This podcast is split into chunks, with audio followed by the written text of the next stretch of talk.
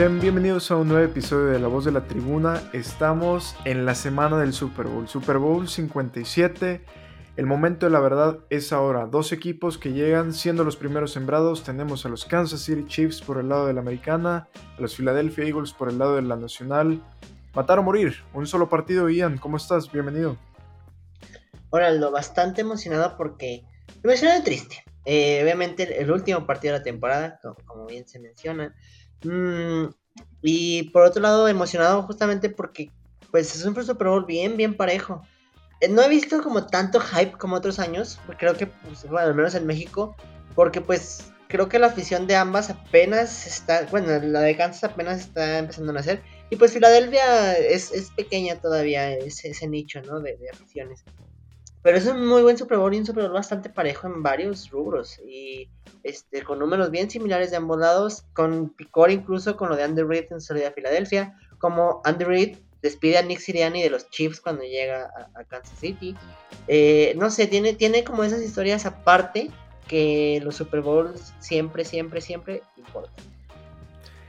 El clima está listo, el terreno de juego está listo, los jugadores están listos. Todos estamos listos, Ian, para esta fiesta, esta fiesta que estamos esperando desde septiembre. Lo mejor de la NFL está aquí. Venimos de dos semanas de descanso y antes de eso de dos partidos que nos dejaron mucho de qué hablar, mucho tela donde cortar. ¿Qué te parece si vamos con el de Kansas? Un Kansas City que avanza frente a los Cincinnati Bengals, que les hicieron partido y que por ahí hubo mucha polémica, sobre todo en el último cuarto. ¿Qué podemos decir de lo que nos deja este partido de final de conferencia de la americana. Mm, fíjate que justamente la polémica, a mí me parece que sí fue un, un, arbitraje muy localista. Sin embargo, ese no es el motivo por el que pierden los, los Cincinnati Bengals la final de conferencia. Es cierto que, que, y la verdad es que la plantilla de, de referees en la NFL es bastante, bastante mm, mediocre en su nivel. Hay que, hay, eh, hay que llamar las cosas como son. El castigo último de Joseph Posay, o sea, no hay forma de defenderlo. es castigo. El problema es que eh, tres segundos antes estaban sujetando así terriblemente a Sam Hubert. O sea, esas cosas son, son eh, las que me molestan eh, a cierto punto. ¿Cómo marcas para un lado y no marcas para el otro? O sea, si vas a marcar mal, marca mal para ambos lados de perdido. que no debería de ser así, ¿verdad? Pero bueno, eh, otra cosa que también por la que pierde Cincinnati este partido, y, y esto tiene mucho que ver con el mérito de Steve Spagnuolo, el coordinador defensivo de los Chiefs, el ataque terrestre lo unificaron total y absolutamente. Eh, para mí eso sí fue un trabajo muy bueno de la, de, del coordinador defensivo, que pues hasta cierto punto tiene, nos tiene acostumbrados, ¿no? Que en playoffs la defensiva se llega a cerrar. robaron un par de veces el balón a, a Joe Burrow, en un par de intercepciones. Mm, le estuvieron dando eh, bastante, cinco, cinco sacks. Eh, otra de las, de las claves es justamente cómo no lograron presionar a Mahomes lo suficiente los, Bengals. ¿Por qué no fueron agresivos una y otra vez? Aquí Luan Arumo, eh, pues sí llega, pues sí, es bastante mm, permisivo con Mahomes. cuando tienes a un coreback como Patrick Mahomes, hasta cierto punto en un pie, porque pues se veía Mahomes, bastante dolido después de casi cada snap. Eh, que aún así el tipo lanzaba pases y espirales bastante buenos. Mm, eh, y esas son, tipo de, son ese tipo de cosas que también Cincinnati dejó de hacer eh, y que sí dejan pues el mal sabor de boca para esos Bengals porque pues este equipo está, está para ganar, digo, hay que seguir mejorando esta parte de la línea ofensiva. Si bien es cierto, había tres bajas en esa línea. Pero sí, hay varias cositas que, se rescatan de ese partido. Y sí, o sea, ya de Mahomes creo que ya nos cansamos de hablar una y otra vez. O sea, el tipo es un coreback, eh, es un coreback lead. Eh, lo hace bastante bien. Mm, en Travis eh, pues no importa que no tengan receptores, no importa que se llame Markel Valdez Scantling, no importa que se llame Yuyu, no importa que sea Noah Gray, Marcus Kemp. mientras tengas a Travis Kelce, tienes un eh, un jugador, un receptor, bueno, que está cerrada, pero un receptor bastante confiable. Eh, bueno, yo diría elite, de alguna manera. Mm, y, y, además del coreback, eh, otro que, hay que mencionar que a mí me, que de alguna manera, si bien en la final de conferencia fue bastante pobre su participación, pero que se ha ido, se ha ido conectando poco a poco es Isaiah Pacheco, que yo creo que puede ser un factor importante en este Super Bowl con el ataque terrestre. Como mencionas, hay algunas claves de parte de Kansas. Lo que mencionas de Steve Españolo es espectacular. Realmente lo que hace este tipo, este señor en la postemporada y sobre todo en un escenario como el que se viene este fin de semana con dos semanas de descanso, es de analizar. Revisa todos los puntos débiles que tiene el equipo contrario y aprovecha. Busca las áreas de oportunidad y las concreta muy bien. ¿Recuerdas, Ian, quién era el coordinador defensivo en aquel Super Bowl que jugaron los Giants y los Patriots, en el que le quitaron el invicto a los Patriots? Por supuesto que sí, ese equipo estaba entrenado por Tom Coughlin y el coordinador defensivo era el mismísimo Steve Spagnuolo. Así es, es un, es un viejo lobo de mar. Realmente hablar de Steve Spagnuolo es brutal, es un antecedente tremendo y toda la carrera que tiene en la postemporada y esta semana se mide una vez más. Llega el partido grande y creo que va a ser un partido que estudió bastante bien. También sabemos que Andy Reid, de cara a lo que es el Super Bowl o cuando tiene alguna semana de descanso, ya sea en temporada regular, después de un bye week o ya sea después de liderar la conferencia, tiene una efectividad brutal. Eso es algo que tiene que tener en cuenta Filadelfia. Regresando a lo que pasó semanas antes frente a los Bengals, lo que mencionas también de Pacheco es algo importante. Recordemos que este equipo de Kansas City Chiefs en la temporada regular fue el equipo que más puntos anotó, promediando 29.1 puntos por partido. El número uno en yardas. En Rush, en acarreo, no estuvo tan bien. Es el número 24. Su líder fue Pacheco, 830 yardas en la temporada. Travis Kelsey, 1338 yardas. Es un equipo, como mencionas, que tiene algunos parámetros muy importantes, que tiene cosas a seguir, como es el desempeño de Pacheco, que dice, ok, quizá no te cumplo toda la temporada, quizá no te cumplo todos los partidos poniéndote 80, 90 yardas, pero el momento importante, el momento que aprieta, lo pone. Travis Kelsey se desapareció en las últimas semanas, no tuvo touchdowns. Momento de la verdad, postemporada, hizo lo que quiso frente a los Jacks. La semana pasada también dio un muy buen, hace dos semanas dio un muy buen partido frente a los Bengals. Esta semana tiene una prueba importante y creo que va a salir avante. Lo que mencionamos también de Patrick Mahomes está en un solo pie. ¿Cómo crees que pueda reaccionar la defensiva de los Eagles? Que es una defensiva que aprieta mucho más y que está mucho más entera que la de los Bengals hace dos semanas. Recordemos que la de los Bengals estaba parchada. Quizá no se vio ante los Bills, pero sí se vio ante los Chiefs. Hay que mencionarlo bien. La defensiva, hombre por hombre, de los Eagles es mucho mejor que la de los Bengals y que la de los Bills junta. ¿Tú cómo crees que puede reaccionar Patrick Mahomes o cuál crees que sea el estilo a jugar este fin de semana para los Chiefs? Mira, sin duda alguna debe de ser eh, protección y pases, pases rápidos, pases de dos segundos. Creo que Patrick Mahomes no va a tener el tiempo del rollout que nos tiene acostumbrados y que él lo tiene bastante bien hecho. Mm, mm, definitivamente no creo que Orlando Brown, no creo que Joe Tooney sean lo suficientemente, o sea, son bastante buenos estos jugadores. Chris Humphrey el centro, eh, sí son buenos, es una buena línea ofensiva la de Kansas City pero eh, cuando ves el, ese front seven con Jason Reddick, con Javon Hargrave, perdón, con Derek Barnett, o sea, tienes ahí jugador, tienes cuatro jugadores con al menos 10 sacks, o sea, es la, es la primera vez que pasa en esta NFL. Eh, Jason Reddick de repente se conectó en algún punto de la temporada, o sea, tuvo una muy buena temporada en general, pero al final cerró brutalmente y, o sea, la final de conferencia se vio eh, pues de hecho es el que desafortunadamente lesiona a Brock Purdy. Eh, digo, no, no, no que haya sido intencional, pero, o sea, lo que me refiero es que la presión siempre estaba arriba, hasta la tiene Jason Reddick. Entonces, eh, definitivamente, el, para poder vencer a esa defensiva, necesitas sí o sí pases rápidos, pases cortos. Eh, Valdez Scantling creo que es un receptor que eh, funciona para eso. Obviamente Travis Kelce tiene que estar sí o sí en plan de juego.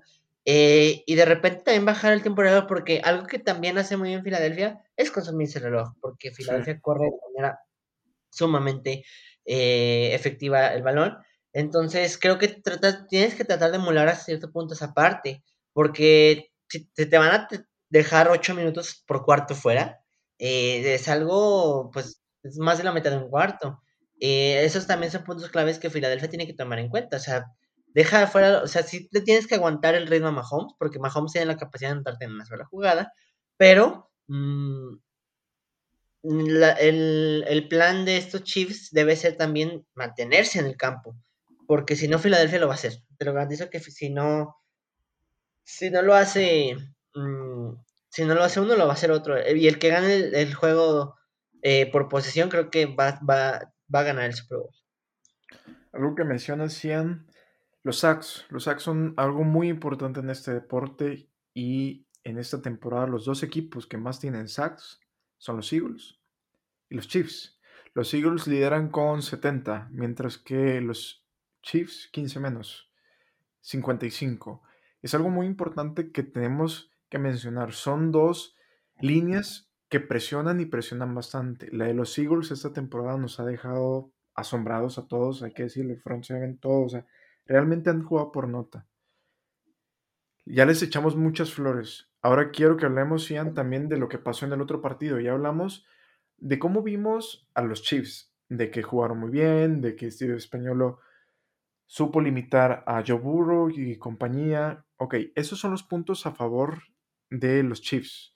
Hablemos de los puntos a favor de los Eagles y después en dónde creemos que puede haber cierta diferencia entre estos dos equipos, porque se escucha muy bien y muy fácil decir los sacks, decir que son las ofensivas número uno y número dos respectivamente. Prácticamente están empatados, incluso los récords, o sea, son los dos mejores récords de la NFL. Están igualados prácticamente en todo, incluso en la probabilidad de ganar. En este momento, según la data de ESPN, está a favor de un 51.8% para los Chiefs y los Eagles 48.2%. Esto lo dice la data de ESPN, mientras que Las Vegas dice otra cosa muy distante. Los favoritos son los Eagles. Ya lo platicaremos más adelante con la línea y con lo que nos gusta, Ian. Lo que vimos positivo de estos Eagles de Filadelfia frente a los 49ers, unos 49ers que se vieron mermados de inmediato y que se mantuvieron por algunos momentos del partido, pero que, seamos sinceros, no iba a dar más este equipo en las condiciones que estaba. ¿Qué te pareció el desempeño de Filadelfia, de Philly?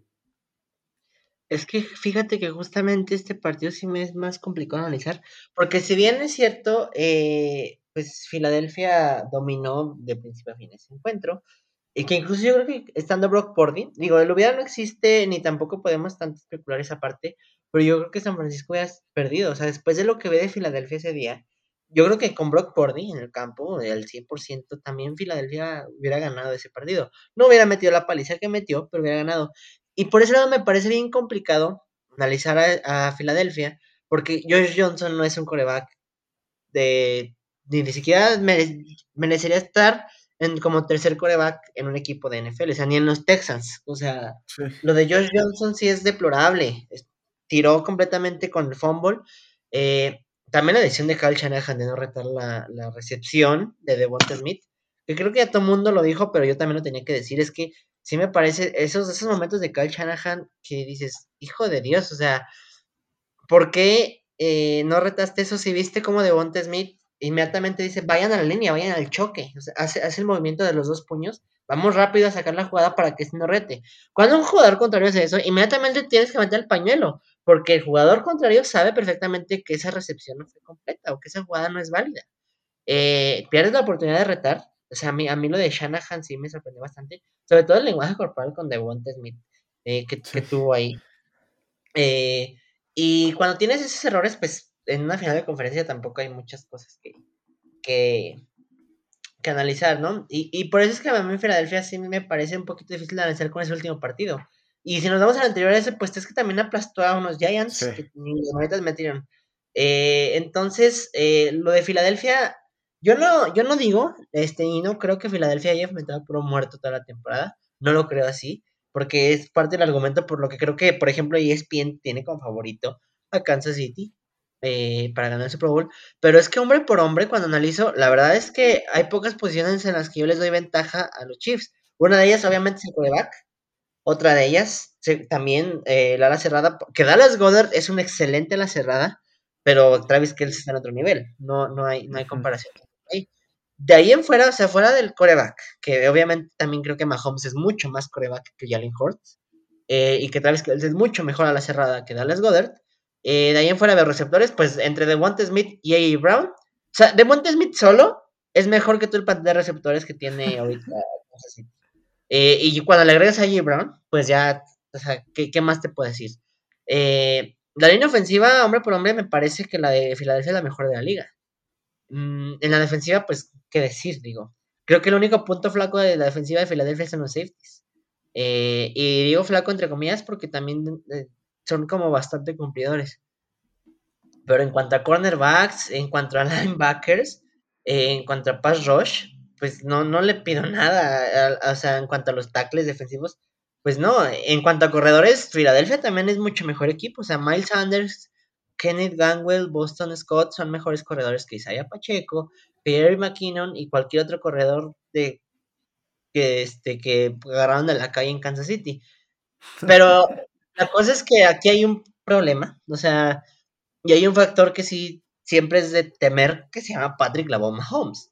Eh, que ese va a ser la clave. ¿Qué tanto vas a poder frenar a Mahomes con eso? Porque ese tipo hace que Marqués Valdés Scalting tenga 116 yardas en un juego de, de, campeonato de, por la conferencia americana. Entonces, eh, porque sí, o sea, este Mahomes tiene esa capacidad. Mm, entonces, básicamente es presión, presión, presión, presión. Evitar lo más posible el ataque terrestre de estos, de estos Chiefs. Y, y, yo creo que pueden robar el balón de alguna manera en algún, en algún drop de algún receptor, algún fumble por ahí y creo que ahí va a estar la clave con estos, con estos Eagles. Justamente a eso quería ir, Ian, a lo que llegaste, a las conclusiones que llegaste en comparación del roster. También coincido en que el roster de Filadelfia, hombre por hombre, en la mayoría de las posiciones es mucho mejor. En la temporada baja, antes de iniciar todo esto, platicábamos de algún equipo que podría ser underdog.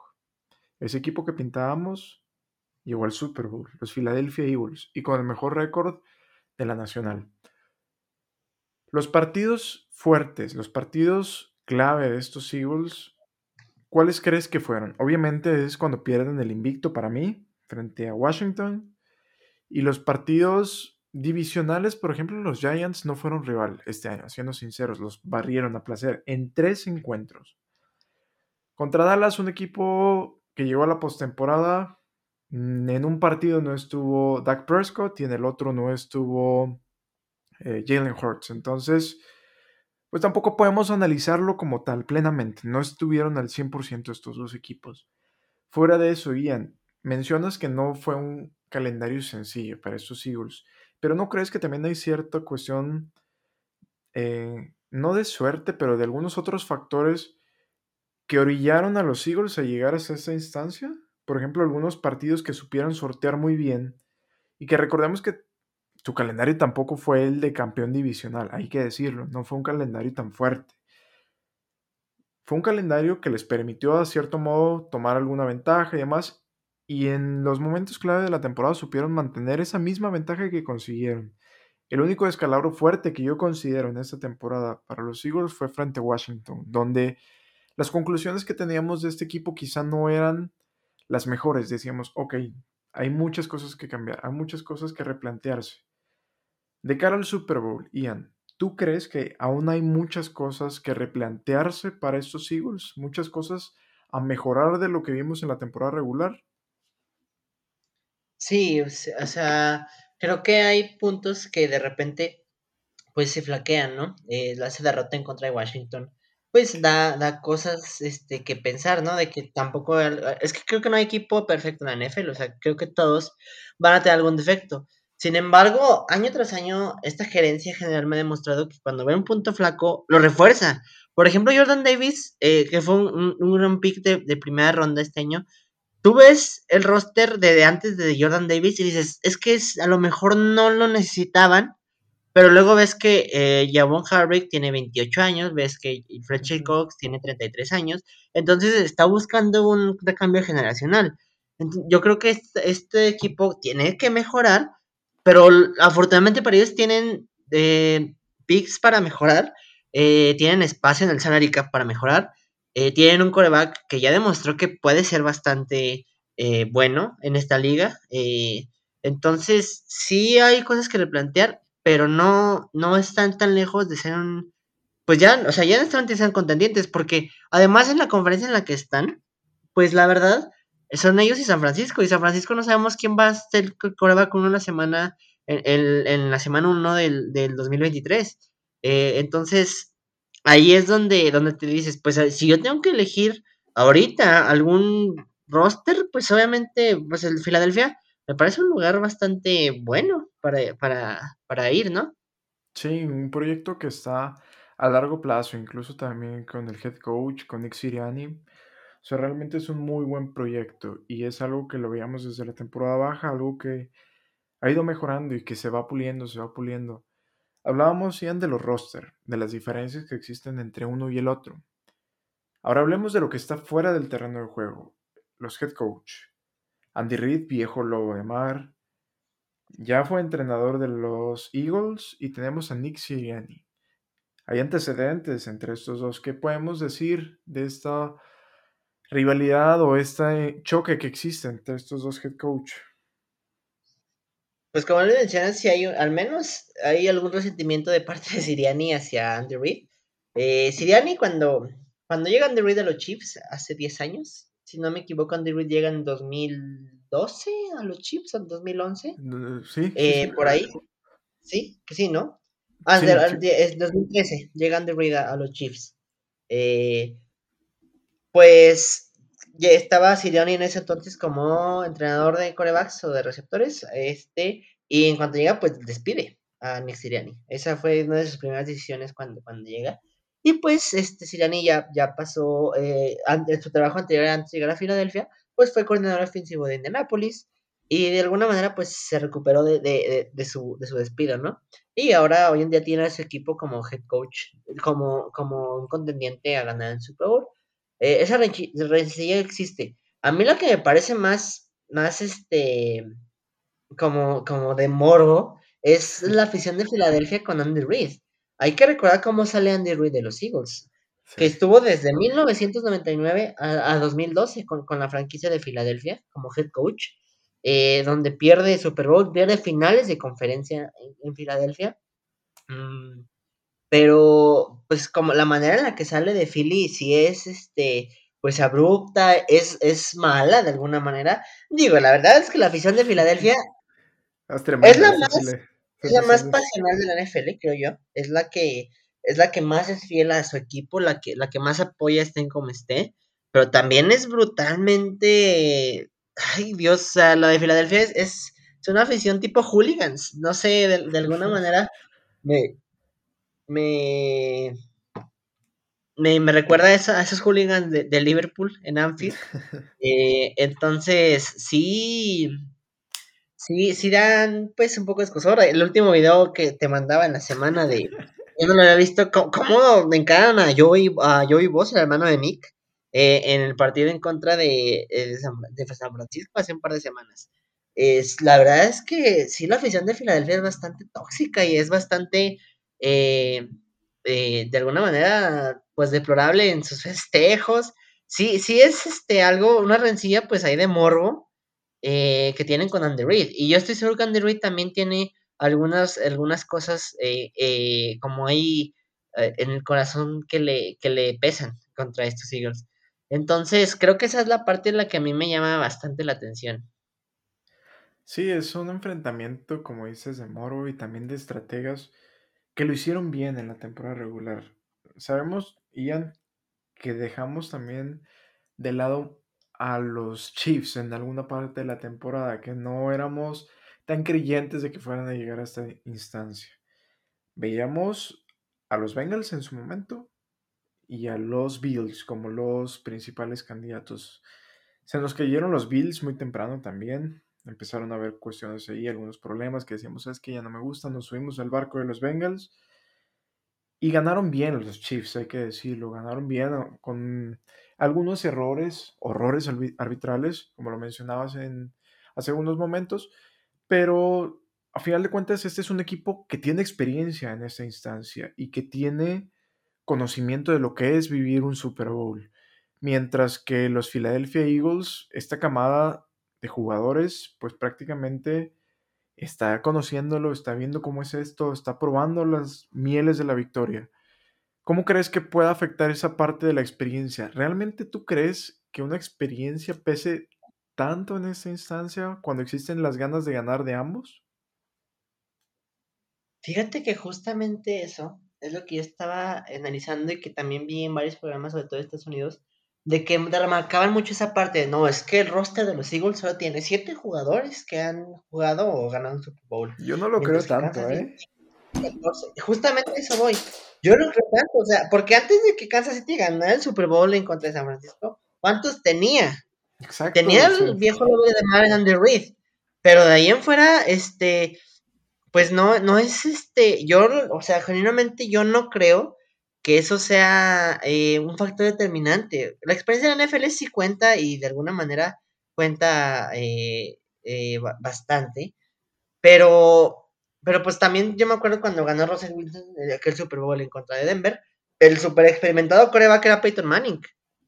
Y llega un, un, tipo de tercer año, si no me equivoco, es, de segundo año en aquel entonces, con, obviamente con una defensiva de Legión del Boom, a ganar ese Super Bowl. O sea, pues, son ese tipo de cosas que a veces no me explico de que yo no me compro esa, esta, esa narrativa de que la experiencia es totalmente brutal y absoluta para ganar, porque la verdad es que si hablamos de experiencia, Andy Reid, antes de ganar ese Super Bowl, su experiencia de fracasos en playoffs, una, una y otra vez. O sea, y o sea, lo de Andy Reid sí es este, mm, hasta ese entonces, incluso mucha gente se pitorreaba de él, incluido yo. O sea, incluido yo en eso, porque Andy Reid choqueaba y que incluso los últimos dos años ha mostrado ese choking, este, de repente en, playoffs, pero de repente pedía tiempos fuera donde no debía, eh, se le iba el reloj, eh, terminaba las segundas, los segundos cuartos sin anotar puntos cuando tenía la posición de balón. Ese, tipo de, manejo de log que de, de se hizo fama toda su carrera, eh, de repente está volviendo a nacer un poquito. Entonces, esas cosas yo no las compro tanto. Sí, concuerdo contigo, no, no termino de comprar esa parte de la experiencia. Obviamente influye, pero no creo que sea determinante para decir, ok, ya denle el Super Bowl a los Chiefs de inmediato sin que se juegue el partido. No, o sea, la NFL nos ha demostrado una y mil veces que no es así, amigo. De verdad, la experiencia influye, el head coach influye, los jugadores influyen, todo aporta, todo influye. Es una cúmula de esfuerzos, de aciertos o incluso errores lo que determinan la victoria. Esta ocasión no creo que sea así. ¿Qué te parece si vamos con el pick directamente? Vamos con lo que traemos en la línea. La línea está muy cerrada. Es de los más cerrados que he visto, al menos en los últimos años. Para ser sincero, creo que este Super Bowl pinta para eso, para el choque de dos equipos que están en lo más alto de la liga. Lo vimos en puntos, lo vimos en, eh, bueno, en los récords, lo vimos en muchas más estadísticas que están parejos, que están prácticamente en la crema innata de la liga. Y creo que sí fue durante toda su temporada regular y lo que jugaron de postemporada. También hay que mencionarlo que ninguno de estos dos equipos llega con tres partidos previos, llega con dos. Ambos fueron líderes divisionales unos enfrentan a los Jags, después enfrentan a los Bengals, mientras que el camino de los Eagles para algunos es mucho más sencillo. A los Giants y a los Niners sin coreback. Ok, hasta ahí está el, punto. Parten como favoritos los Philadelphia Eagles, uno y medio. ¿Qué te gusta, Ian? ¿A quién tomas? Definitivamente yo creo que Mm, la, la línea está casi al pic. De hecho, se ha movido. Según yo, esa ya inició. Va a llegar, va a llegar al pic. Ajá, yo también creo dinero Kansas. La línea este, inició, según yo recuerdo, favorito Kansas por un punto. y luego se movió hacia Filadelfia, y luego estuvo al pick, y en este momento otra vez está en favor de Filadelfia. Eh, la cosa es que eh, es un Super Bowl súper, súper parejo. Eh, en varios números, en récords es, es, exactamente igual. En puntos anotados de la ofensiva es exactamente igual. Este, en touchdowns anotados, este, en touchdowns también, o sea, hay cosas que dices, hay, hay cosas bastante importantes este, que, que destacar. Y yo aquí, pues básicamente está mal pick. Eh, así que voy a decir que, quién creo que va a ganar. Eh, yo creo que Filadelfia se va a levantar con segundo título de Super Bowl este año. Con Philly, más con Philly. Roger, pensé que íbamos iguales este año. De verdad, pensé que íbamos iguales. Me voy a quedar con el money line directo con los Kansas City Chiefs. Voy con el underdog, como lo hemos hecho durante toda la temporada prácticamente. Realmente me pongo a pensar. Un partido así va a estar muy cerrado. No creo que Filadelfia tome la ventaja como lo ha hecho con los rivales previos en estas instancias, como fue contra los Giants y como fue frente a los Niners. No se va a despegar, va a ser un partido parejo. Dame, toma, dame, toma. Incluso no creo que se anoten tantos puntos, si te soy sincero, la línea del over me cuesta trabajo, me cuesta trabajo pensar un marcador con tantos puntos, sobre todo en donde las emociones están al máximo, donde nadie quiere equivocarse, donde quizá no arriesgas, sino es hasta el tercer, cuarto, cuarto, donde el primer cuarto es tratar de anotar, pero ir midiendo al rival también. Y sabemos que estas dos defensivas tienen poder, tienen peso, pueden hacerle daño a la ofensiva rival. Regresando al pick, voy a quedar con Kansas. Lo hablábamos hace un par de semanas sobre si este era el año de maduración, el año que realmente era para los Eagles. Y yo te decía que para mí no, que quizá no era el año del culminar el proyecto, de que llegue a su punto máximo. Para mí es el próximo o el que sigue. Es un proyecto a largo plazo. Esta temporada, si le dices a los Eagles que van a estar en el Super Bowl, te lo firman mil de mil veces.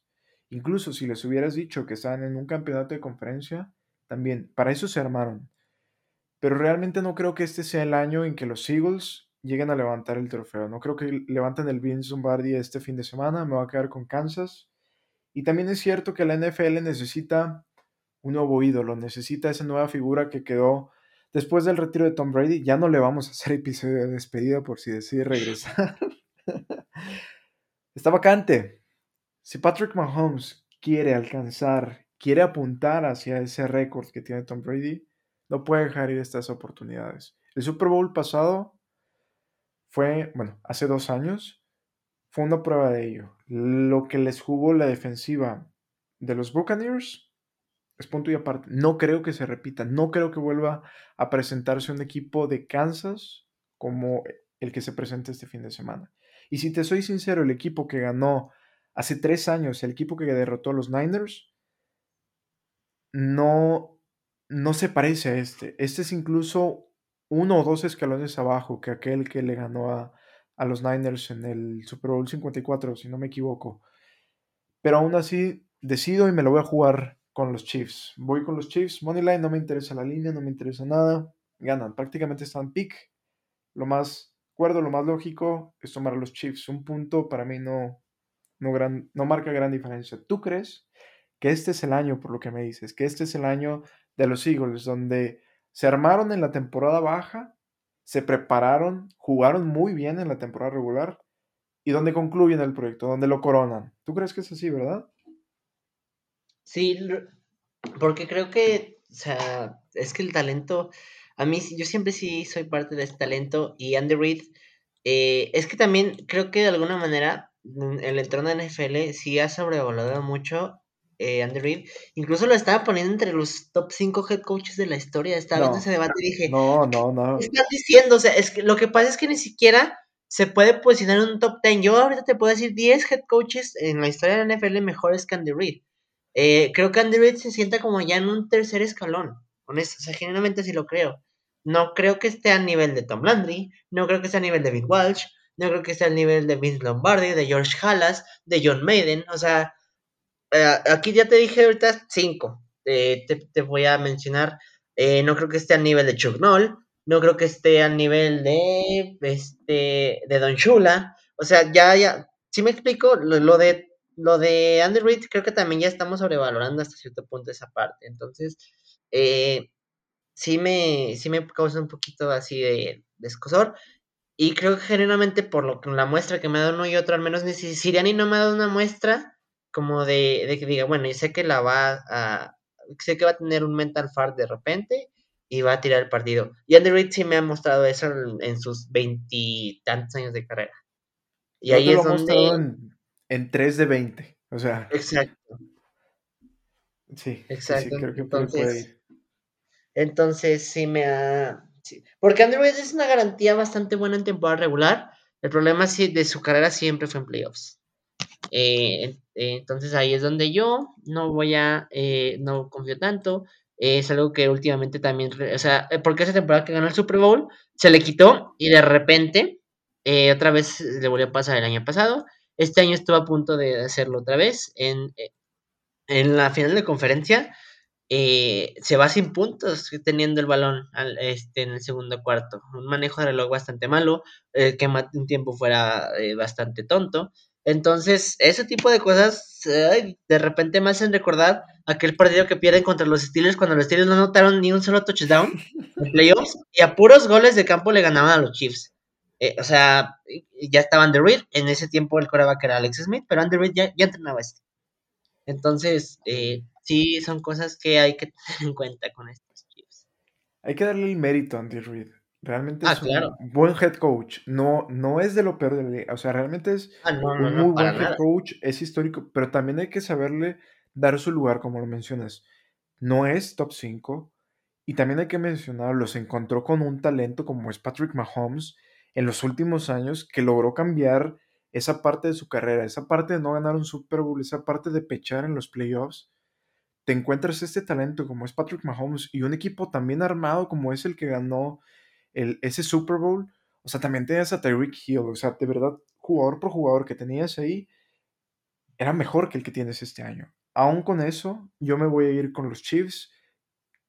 La cuestión por la que me voy con Kansas es porque creo que aún no es el año de maduración. Nos gustan a todos las historias de Hollywood, las historias románticas donde dices, este equipo casi perfecto, casi invicto. Ese equipo que de la nada apareció y que enamoró a todos y que gana. No creo que sea así. También creo que el aficionado común de la NFL sobrevalora mucho lo que hace Kansas City, lo que hace Patrick Mahomes, lo que hace todo. Y esto tiene que ver con lo que da la imagen, la liga de los jugadores, lo que da la imagen de los equipos. Todo el mundo quiere ver equipos ganadores. ¿Quién ha sido el equipo o uno de los equipos más ganadores en los últimos cinco años, que al menos ha estado más presente en los Super Bowls. Los Chiefs, que es la cara de la liga, Patrick Mahomes. Por eso tampoco me gusta mucho quedarme con los Chiefs. Si fuera otro rival, de verdad, si fueran los Niners, poniendo el hipotético caso y que no va a pasar este año, me quedaba con los Niners, me quedaba con ellos. Este año, por cuestiones ajenas a eso, me quedo con los Chiefs no es de mi agrado tanto este equipo, no es mi equipo favorito, también tengo ahí algunas cosas como con los Patriots, pero los voy a comprar, los voy a comprar cuando me los den baratos. Esta vez me los están dando baratos y los voy a comprar. Son underdogs, Patrick Mahomes, underdog, lo tomo 10 de 10 veces. Línea ahí, ¿te gusta? Over under. 51 puntos. Mm, estamos hablando de que pues cada equipo mm, promedio de 25, obviamente 25, 26 puntos. Este. Ah, fíjate que está bien complicado. Mm, es la línea más difícil, la más difícil de toda la, temporada. Sin duda alguna. Pero te voy a decir algo, yo sí veo puntos aquí, yo sí veo que los dos van a pasar los 30 puntos en Super Bowl. ¿Te gusta el over? Me gusta el over. Es que si nos vamos, me estoy poniendo frente al tren. O sea, me estoy parando frente a un tren los dos equipos que más anotaron puntos en la temporada regular. Pero justamente por eso me quedo, o sea, todo mundo va con el over, todo mundo apunta al over. Incluso va subiendo la línea del over. Abrió, me parece que en 49, ya subió dos puntitos. Tengo ese sentimiento, ¿no? Sea, ese sentimiento que dices, mm, puede haber por ahí algún under. Lo que te mencionaba del no querer equivocarse. Y también recordemos que los Eagles buena parte de la temporada fueron un equipo que se calentaba uno o dos cuartos y fuera de eso no te anotaba más. Apagaba el motor. Pero se calentaba y te metía 25. Ah, sí, sí, sí. sí. O sea, ese es el punto con estos Eagles. O sea, si te dije se calentaba y te metía 14, pues bueno, ¿verdad? Pero se calentaba y te metía 28, 25 puntos cuando se calentaba. Sí. Creo que Kansas puede parar a los Eagles buena parte del partido. Y como le mencionaste, las claves de Kansas correr el balón, ir por tierra, reducirle el balón a los Eagles. A estos Eagles les das 3 minutos y te ponen 10 puntos si se los permites, ¿eh? 7 seguros. Si te equivocas 3 y fuera, te ponen 3 más. Así que es algo que tiene que cuidar Kansas, tiene que cuidar el tiempo, el reloj. Por eso me gusta un poco más de tiro al under. No es mi jugada favorita, si te soy sincero, en esta semana. Nos lo pidieron, pero me voy con eso, con el under. De algo estamos seguros, Cian. Algún Kelsey va a ganar. Definitivamente, los hermanos Kelsey. Alguno de los dos va a tener un, este, otro anillo, porque ambos tienen uno cada uno. Vamos a ver quién tiene dos. Sí, sí. Veamos, se pone, se pone interesante también estas historias que nos deja la NFL y. Algo que también este, te tengo que decir que a Jalen Horst le duele mucho el pase profundo. Muchísimo. Eh, entonces, por ahí, como bien mencionas, o sea, creo que Filadelfia tiene mucho menos capacidad de notar rápido que la que, la que tiene Kansas City. Filadelfia sí depende mucho de cuánto va a mover el balón por tierra, demasiado. El pase profundo le duele bastante a Jalen Hortz, eh, que si bien tiene receptores que con pases de 4 o 5 yardas te hacen, una jugada de 30. Eh, problema. pero pero a, a Hortz, cuando empieza a lanzar más de 25 yardas, eh, sí, sí es bastante, bastante impreciso. Entonces, ahí sí, sí, es así, porque si Kansas City deja que, que haya series de 7 minutos, van a perder. Te lo garantizo que si, va, si hay al menos 3 series de 7 minutos de Filadelfia, eh, anotando puntos, se acabó el partido para Kansas City. Sí, concuerdo contigo. Y preguntándote algo particular, algo muy particular. Último cuarto, bien. Partido empatado. Te quedan dos minutos. ¿Quién crees que podría pechear más? ¿O quién crees que le podrían temblar por ahí un poquito las piernas? No pechear, temblar un poquito las piernas. O el pase, o cualquier otra cuestión en la mente. ¿A Patrick Mahomes o a Jalen Hurts? Creo que a Hurts, o sea, si, solo tengo esas dos, opciones, creo que a Hurts le, le, va a pesar. Pues, porque Mahomes ya nos ha demostrado que saca partidos. Eh, eh, pues, si no, pregúntale a Búfalo. o sea. En menos de un minuto, o sea. En 13 segundos le sacó un partido, entonces. Mm, sí, o sea, yo tengo que irme con el que he visto que lo hace más veces. Entonces, creo que, pues el que lo más probable que lo haga es Hortz, pero eh, también hay una narrativa bastante interesante que también la veo viable, es que el último equipo que tenga el balón va a ser el que va a ganar. Sí, sí, sí. Y puede pasar, o sea, en un partido tan parejo, donde todo está igualado prácticamente, el último lo gana. Y recordemos que también la regla ya cambió para el tiempo extra. Me encantaría ver un tiempo extra, si te soy sincero, en, este partido. El tiempo extra siempre es emocionante, pero verlo en un Super Bowl es imperdible. Pues mira, ha, habido 56 Super Bowls y solo uno se ha ido a tiempo extra. Cof, cof, Atlanta Falcons. Cof, cof, lo perdieron, lo perdieron. Y lo perdió No, es que ese partido es. Es el más loco que ha existido en un Super Bowl. O sea, no se me viene a la mente otro. Y lo más improbable pasó. Pasó. ¿Algo más tienen que añadir de este partido, de este frente a frente? ¿Alguna nota a destacar? ¿Algo pendiente que nos haya quedado? Eh, nota de destacar. Pues mira, Kansas va a tener otra maldición encima. Patrick Mahomes acaba de ganar el MVP oficialmente. Este, hay que recordar que desde 1999, cuando Kurt Warner lo logró con los, con los en aquel entonces San Luis Rams, eh, fue el último campeón de la NFL, eh, campeón de Super Bowl y haber ganado un MVP el mismo año. Desde entonces ninguno lo ha logrado. Ya han pasado los Tom Brady's, han pasado los Peyton Mannings, han pasado los Aaron Rodgers, eh, y, el mismo Mahomes, desde cuando ganó el MVP no ganó Super Bowl. Entonces, yo no solo te aviso que tienen otra maldición ahí encima, estos Chiefs. Y las maldiciones en la NFL últimamente se han mantenido. Lo que vimos con los rookies, coreback rookie. Uf, ojo, ojo con eso. Y es algo que tener en cuenta, pero mi pick no cambia. Vámonos con Kansas. Vámonos con Kansas, directo y sin escalas. Ian, se nos está acabando la temporada de la NFL 2022-2023. Al parecer es todo lo que tenemos para esta semana. Ya lo hablaremos con las impresiones, lo que nos dejó este Super Bowl. Y también el show del medio tiempo, que mucha gente lo espera, que quizá no ve la liga tan seguido, que quizá le gusta por el, entorno que se vive en la semana previa, lo que se habla en los medios, el show del medio tiempo. ¿Qué recomendaciones tienes para alguien que apenas está iniciando o adentrándose, o que incluso va a ser su primer Super Bowl, este que, que se viene, este Super Bowl 57? Les recomiendo que se sienten, que lo disfruten, que, que intenten entenderlo lo más posible eh, abran su cervecita, abran sus papitas mm, y sientan disfrutarlo, ven un rato. Si quieren verlo ya después de un tiempo, pues también respeto esa parte. Eh, eh, y sí, es, lo que yo les recomiendo para que se atraigan, se enamoren, se empapen de, este, de lo que es la NFL.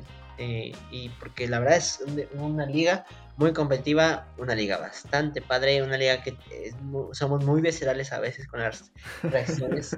Eh, sí, solo, solo disfruten, véanlo eh, y, nada más. Una de las recomendaciones que tienes. Y tampoco tengan miedo de preguntar, realmente no tengan ese miedo de decir es que no lo entiendo, que si lo puedo ver o no. Pues pregunten, nadie realmente. Y en cuando tú y yo lo empezamos a ver, ninguno de los dos entendía nada. O sea, es sobre la marcha, vas aprendiendo, vas leyendo, vas informándote. Y de eso se trata. Incluso si pueden, abran Twitter y lean los hilos y lo que dejó y qué, qué opina la gente, qué opinan los expertos y demás. Realmente es algo que es para disfrutar, no es algo como para decir es que tú no sabes, tú no esto, tú no lo otro. O sea, es un disfrute y es una gozada. Es la fiesta más grande de la NFL, este Super Bowl. Y que, que lo disfruten mucho, como, como dices, que se junten, que se echen su chavecita, que disfruten y a gozar pura vida con ese Super Bowl 57 en Arizona con el show del medio tiempo de Rihanna. Ian, nos despedimos, ya platicaremos lo que nos dejó este Super Bowl, lo que nos dejó el medio tiempo, las impresiones, si fue over, si fue under, si ganaron los Chiefs, si ganaron los Eagles, quién ganó, qué Kelsey ganó, lo que nos dejó la temporada 2022-2023 de la NFL. Recuerda nuestras redes sociales, por favor, amigo. Claro que sí, en Facebook me encuentras como Ian Trejo, en Instagram como Trejo Ian y en Twitter como Ian Trejo 4. A mí me encuentran en todos lados como arroba loro 13, sin más. Les agradecemos por hacernos parte de su día, por escucharnos en la previa del mejor partido del año y acompañarnos en toda esta aventura que fue la temporada 2022-2023. Gracias por su compañía, nos escuchamos en el próximo episodio y en las próximas temporadas. Que esto siga. ¡Ánimo!